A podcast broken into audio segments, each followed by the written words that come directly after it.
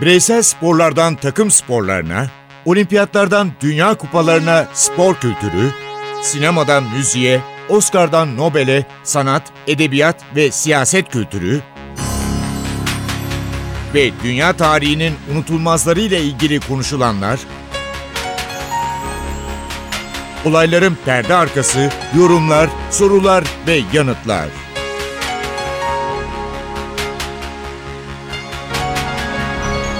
Ercan Taner ve Mert Aydın'la Ateş Arabaları başlıyor.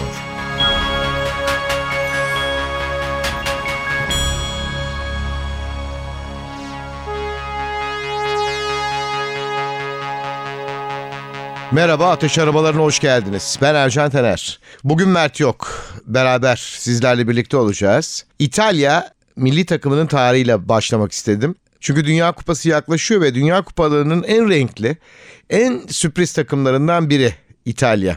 İlk Dünya Kupası olan 1930'dan sonra 1934 Dünya Kupası'nın yanı sıra 1938 ve 1982'de Dünya Kupalarını almayı başardı İtalyanlar. 1970-74 Dünya Kupası'nda finalde şampiyonluğu 94 Dünya Kupası'nda finalde şampiyonluğu Brezilya'ya kaptırmıştı hatırlayacaksınız.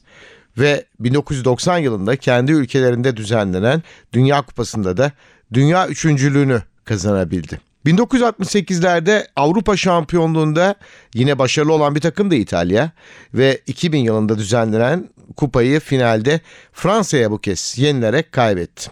2006'daki Dünya Şampiyonlarına İtalya katıldığı 2008 Avrupa Futbol Şampiyonası'nda aynı başarıyı bu sefer gösteremedi ve çeyrek finalde elendi. Dünya futboluna Roberto Baggio, Dino Zoff, Paolo Rossi, Franco Baresi ve Vialli gibi birçok yıldız kazandırdı. Tabi Bettega'yı da unutmamak lazım bu arada. İtalya milli takımında en çok formayı Fabio Cannavaro giydi. 136 kezde ve Riva Rivera iki unutulmaz isimdi bu isimler. İtalya'da Riva İtalya'nın en golcü oyuncusu olarak dünya futbol tarihine geçmeyi başardı. İtalya'da Paolo Rossi 1982 Dünya Kupası öncesinde cezalıydı. Durumu çok zordu ve Beyaz Ot tarafından kadroya alındı. İtalya'nın hiç kimse bu kupada başarılı olacağına inanmıyordu. Ama 1982 Dünya Kupası'nda önce gruptan zar zor çıkıp daha sonra da turları birer birer geçip Brezilya karşısında Brezilya'nın kesin favori olarak gösterildiği maçta rakibini yenmeyi başardı ve finale yükseldi. Finaldeki rakibi İtalya'nın Almanya'ydı.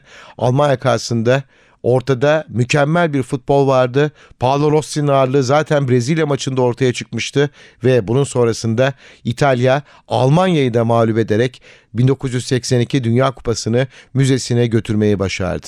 Bu dünya futbol tarihinin en büyük başarılarından biridir.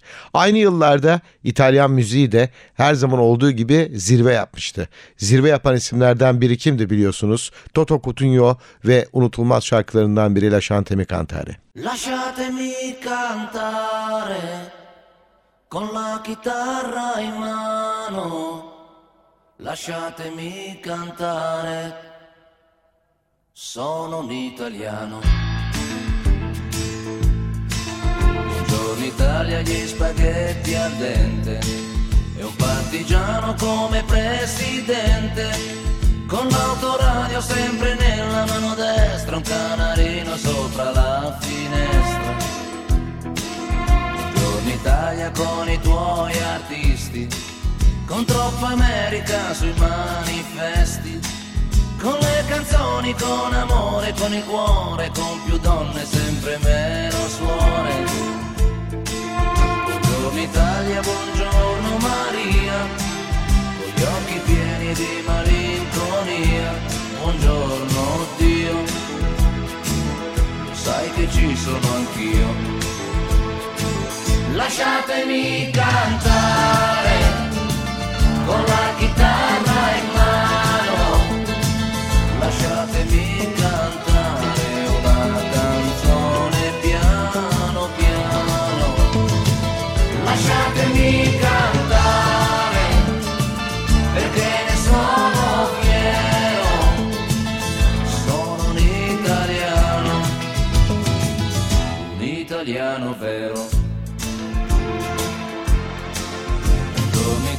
Che non si spaventa, con la crema da barba la menta, con un vestito gessato sul blu e l'amo viola la domenica in tv.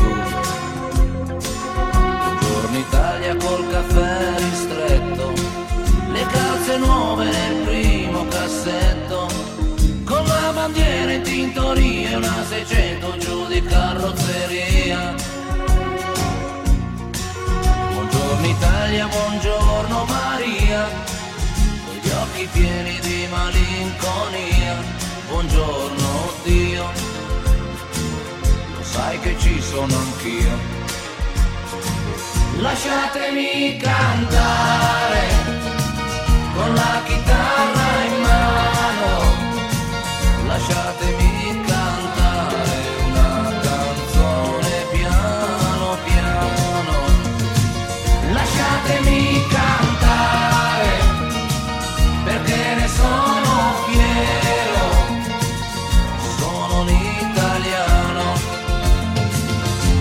italiano vero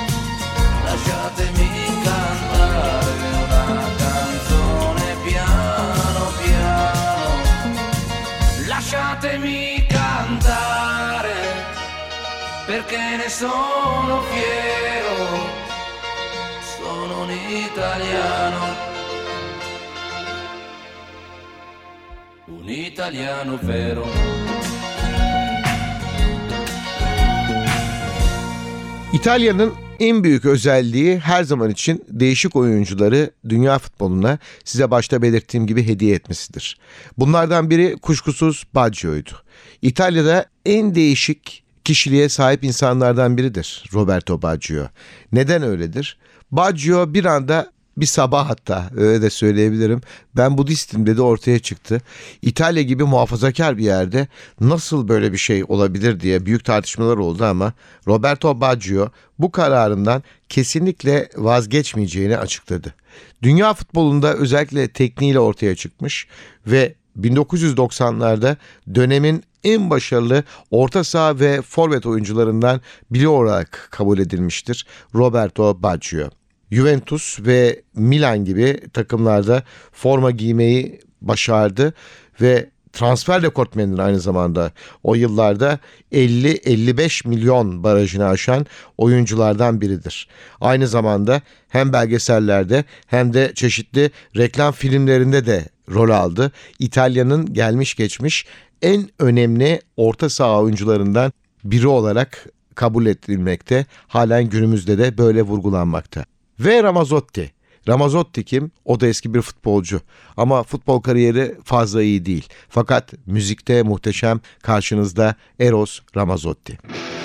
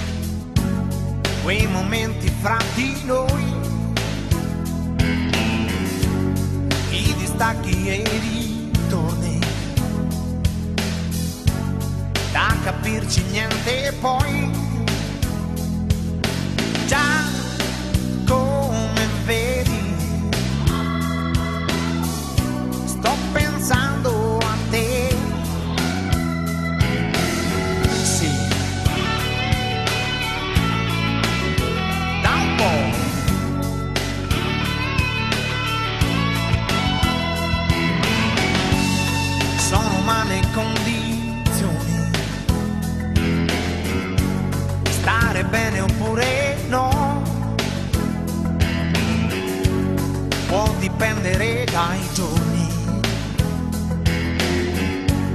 dalle nostalgie che ho. Già come vedi,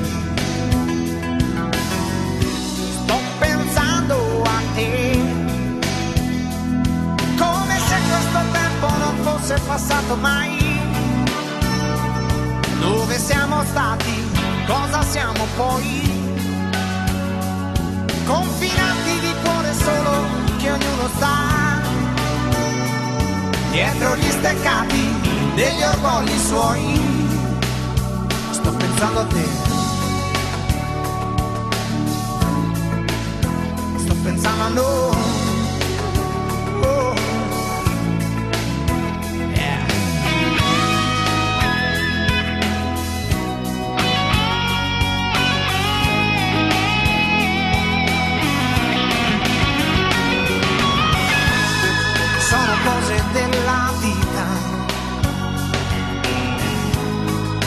Vanno prese un po' così. È già stata una fatica. Arrivare fino a qui.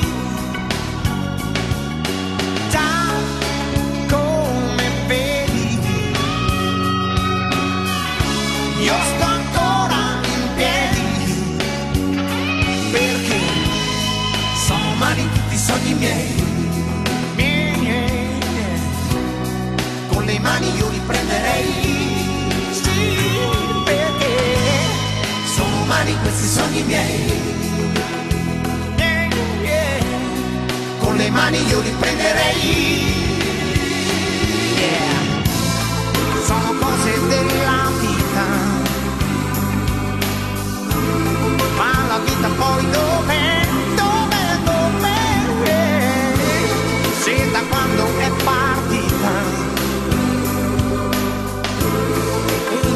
experimento.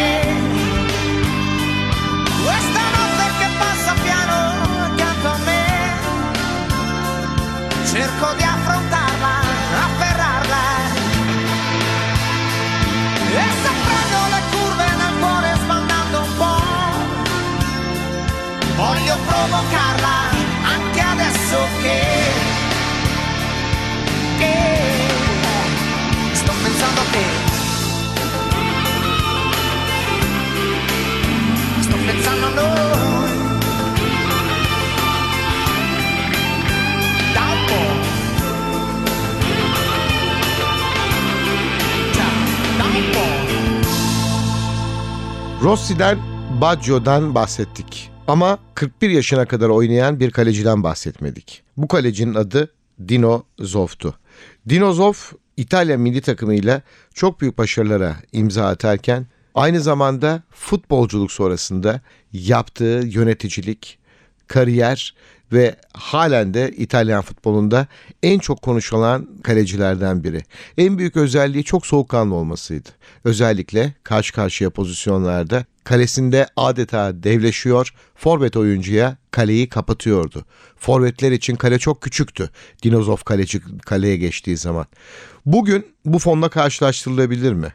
Şöyle düşünebiliriz. Dinozov ve Buffon. İkisi esasında oyun içinde farklı yapıdalar. Buffon'un bir tek Zoff'a benzeyen en önemli olaylarından biri sakinliği. Dinozov takım ne kadar kötü oynarsa oynasın, ne kadar zor durumda olursa olsun kesinlikle sakinliğini bozmayan bir yapıdaydı ve dünya kaleciliği için örnek teşkil etmişti. Buffon'un buna benzer bir tarzı var. Yine şu anda oynadığı Juventus kötü de oynasa, pozisyon da verse Buffon kesinlikle oyunun içinde sizin de mutlaka yakından tanıyorsunuz. Çünkü maçlarını hala devam ediyor ve izliyorsunuz. Büyük bir ihtimalle de İtalya milli takımının kalesinde oynayacak. Buffon yine şu anda dünyanın en klas kalecilerinden biri olarak kabul ediliyor. Ve bu Dünya Kupası'nda da yine çok iyi bir kaleci izleyeceğiz yorumlarına katılmamak mümkün değil Dino Zop için. O ne yapalım? Tekrar müzik diyelim. Karşınızda Eros Ramazzotti.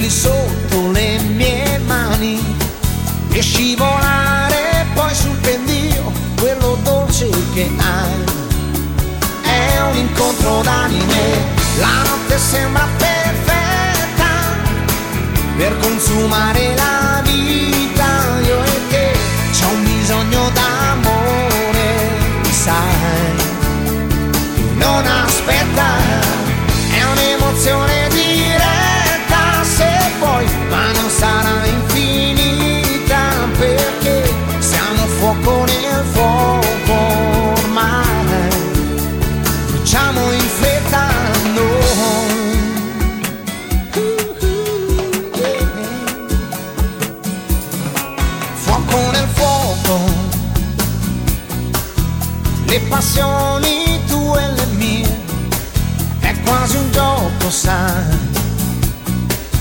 mescolare suoni e magie per far salire l'emozione, salire fino al sole. E ricadere lungo il pendio, quello dolce che hai. È un incontro d'anime, la notte sembra perfetta per consumare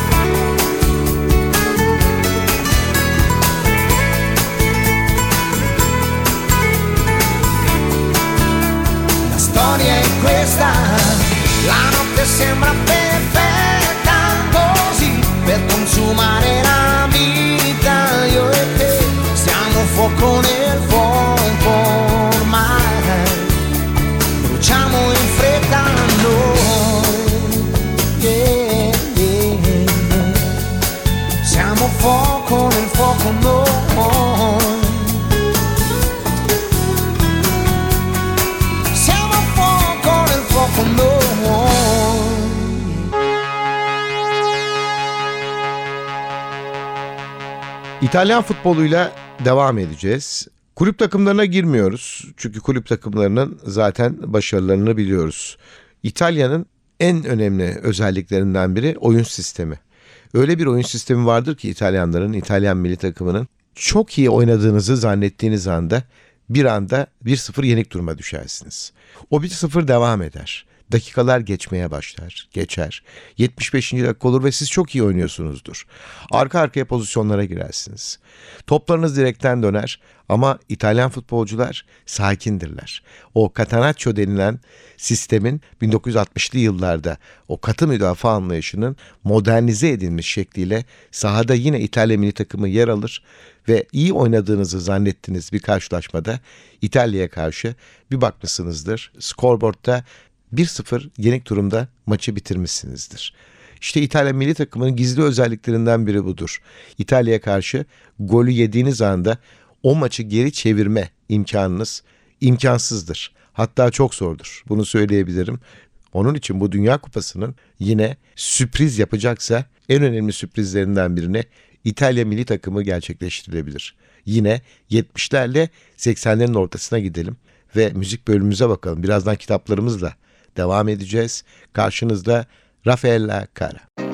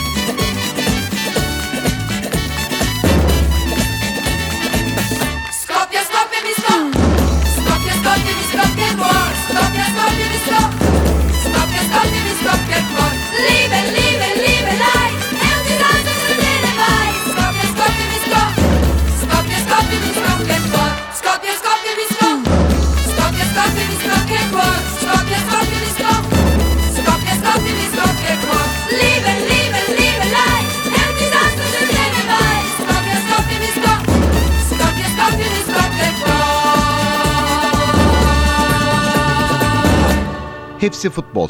Burak Tezcan. Elimde bir kitap var. Futbol hakkında neredeyse her şey diyor.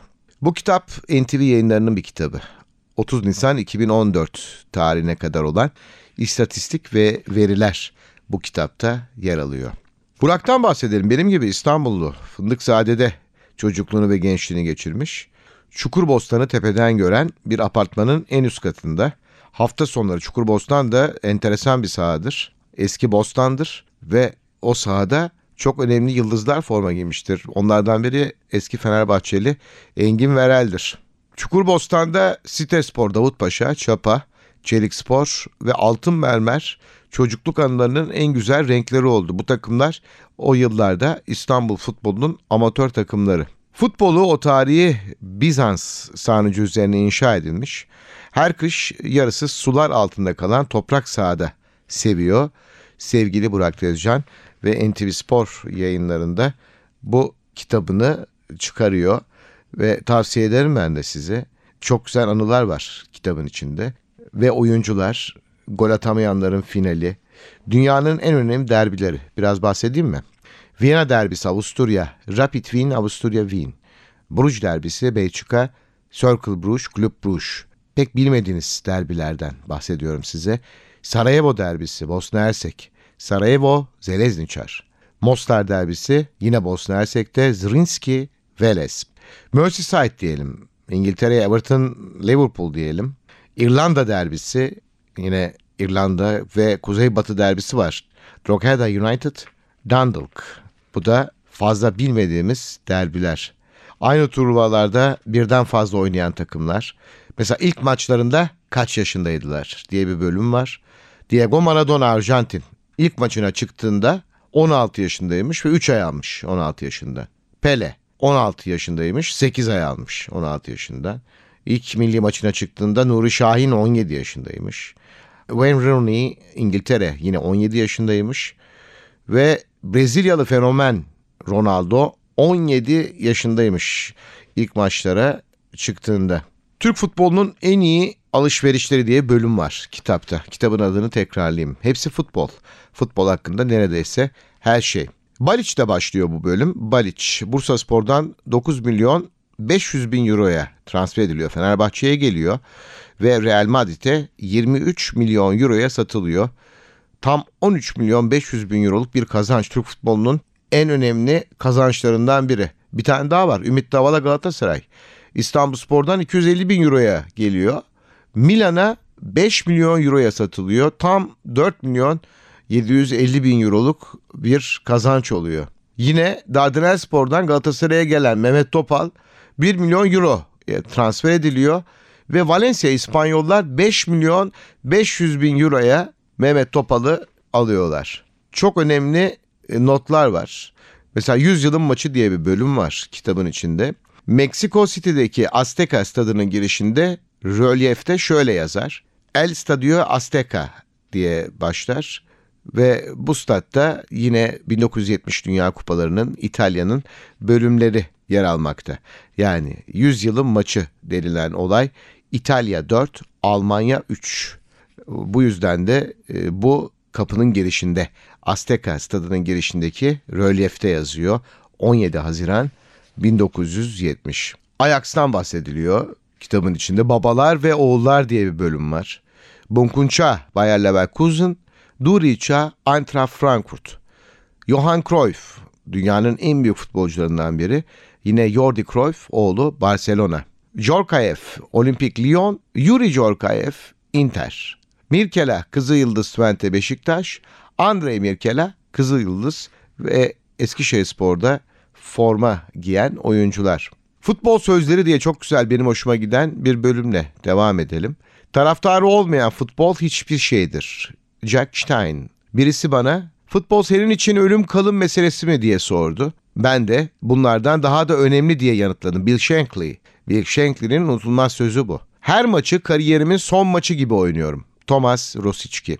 İnsanların paralarını 22 adamın bir topu tekmelemelerini izlemek için harcadıklarını söylemek, kemanım tahta ve kiriş ya da Hamlet'in sadece kağıt ve mürekkepten ibaret olduğunu söylemekle aynıdır. Presley. Futbol basit bir oyun. 22 kişi 90 dakika boyunca bir topun peşinde koşar ve sonunda Almanlar kazanır. Bu sözü Gary Lineker söylüyor. Tarih 4 Temmuz 1970 İngiltere Dünya Kupası yarı finalinde Almanya'ya karşı penaltılarla kaybettikten sonra. 17 yaşındayken Arsene Wenger bana Arsenal'le deneme antrenmanına çıkmayı teklif etti. Reddettim. Çünkü Zlatan denenmez. Olmamış Arsene Wenger.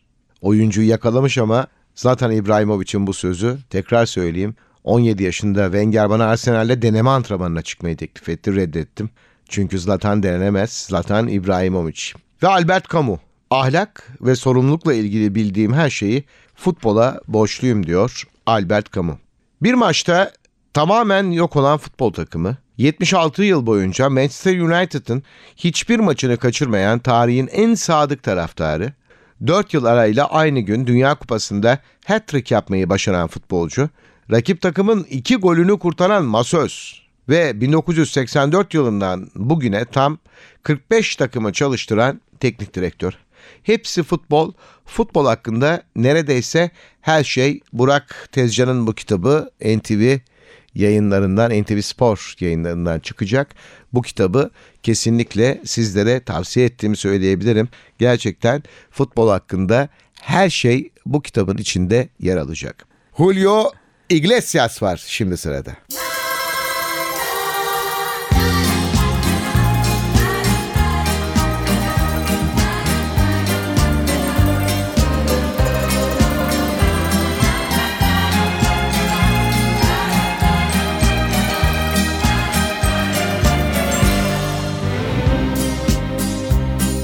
Confieso que a veces soy cuerdo y a veces loco. Y amo así la vida y tomo de todo un poco. Me gustan las mujeres, me gusta el vino. Y si tengo que olvidarlas, me voy olvido. Mujeres en mi vida hubo que me quisieron. Pero he de confesar que otras también me. Pero de cada momento que yo he vivido, saqué sin perjudicar el mejor partido. Y es que yo amo la vida y amo el amor.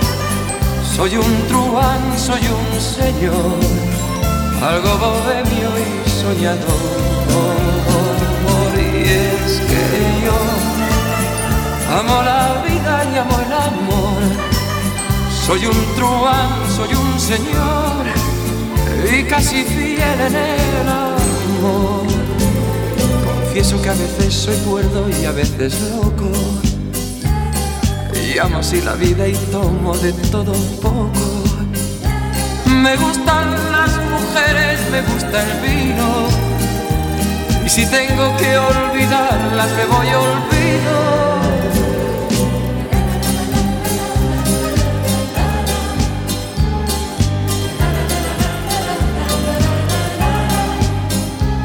Me gustan las mujeres, me gusta el vino. Y si tengo que olvidarlas, me voy olvido. Y es que yo amo la vida y amo el amor. Soy un truán, soy un señor, algo bohemio y soñador. Y es que yo Amo la vida y amo el amor. Soy un truán, soy un señor y casi fiel en el amor. Y es que yo amo la vida y amo el amor. Soy un truán, soy un señor, algo bohemio y soñador. Ve olimpiyatların yükselişi. Bunu geçenlerde de sizle konuşmuştuk. Sahanın hemen kenarı 8 Ağustos 2008 Beijing. Sahneyi zihninizde canlandırın. Çin Devlet Başkanı Hian Tao yeni Beijing Olimpiyat Stadı'nda kürsüye çıkıyor. 220 ülkede 4 milyardan fazla televizyon izleyicisinin önünde modern çağın 29. olimpiyatını açıyor. Sonra geleneksel konuşmasını yapıyor Jintao. Geçtiğimiz yüzyılda Amerikan Devlet Başkanı Reagan Clinton ve George Bush, İngiltere Kralı 6. George ve Kraliçe 2. Elizabeth, İspanya Kralı Juan Carlos, Fransa Cumhurbaşkanı Mitterrand, Sovyetler Birliği Başkanı Brejnev ve Japon İmparatoru Hirohito ile Akihito dünyanın bu en büyük spor festivalini açmışlardı. Açılış konuşması bittiğinde de olimpiyat meşalesi ateşleniyor. Dünya sahnesinde sağlam yer edinen Çin'in bu muhteşem gösterisi başlayabilir artık. En son Çin olimpiyatlarıyla Michael Payne bu kitaba giriyor. Olimpiyatlar esasında devamı sağlanamayacak zor bir organizasyon olarak düşünülüyor. Çoklu olimpiyat stratejileri diye bir bölüm var kitapta.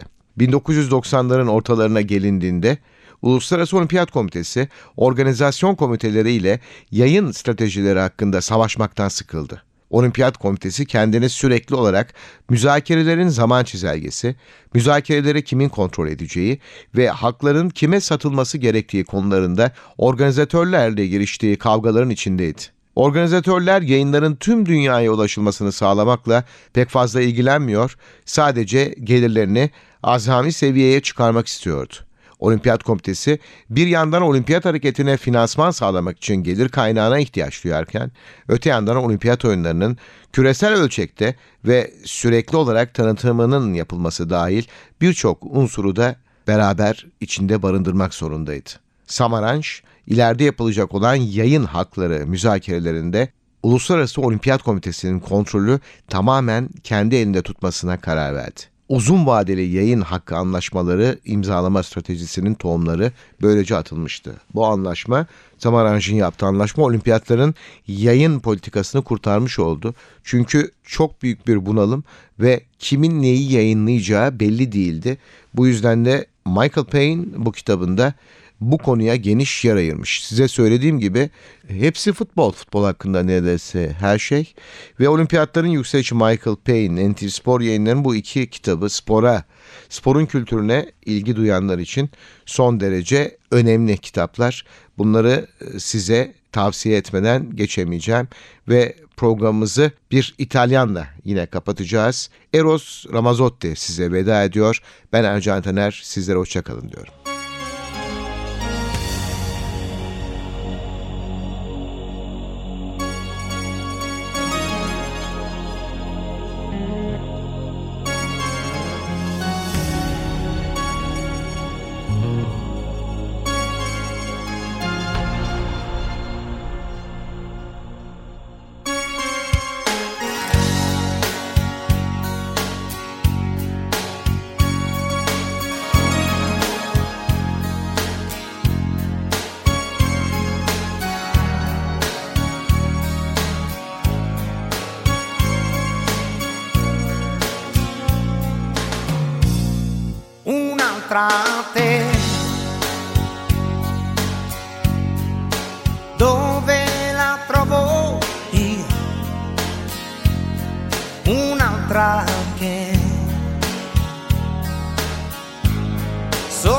Sorprenda me. Un'altra te. Un guaio simile. Un guaio simile. Chissà se c'è. Chissà se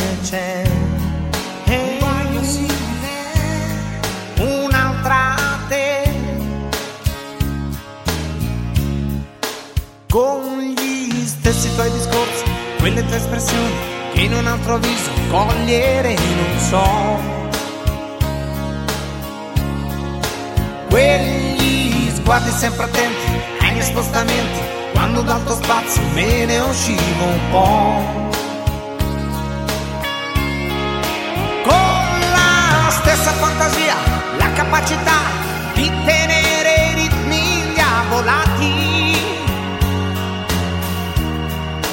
degli umori miei mi ruolo. Una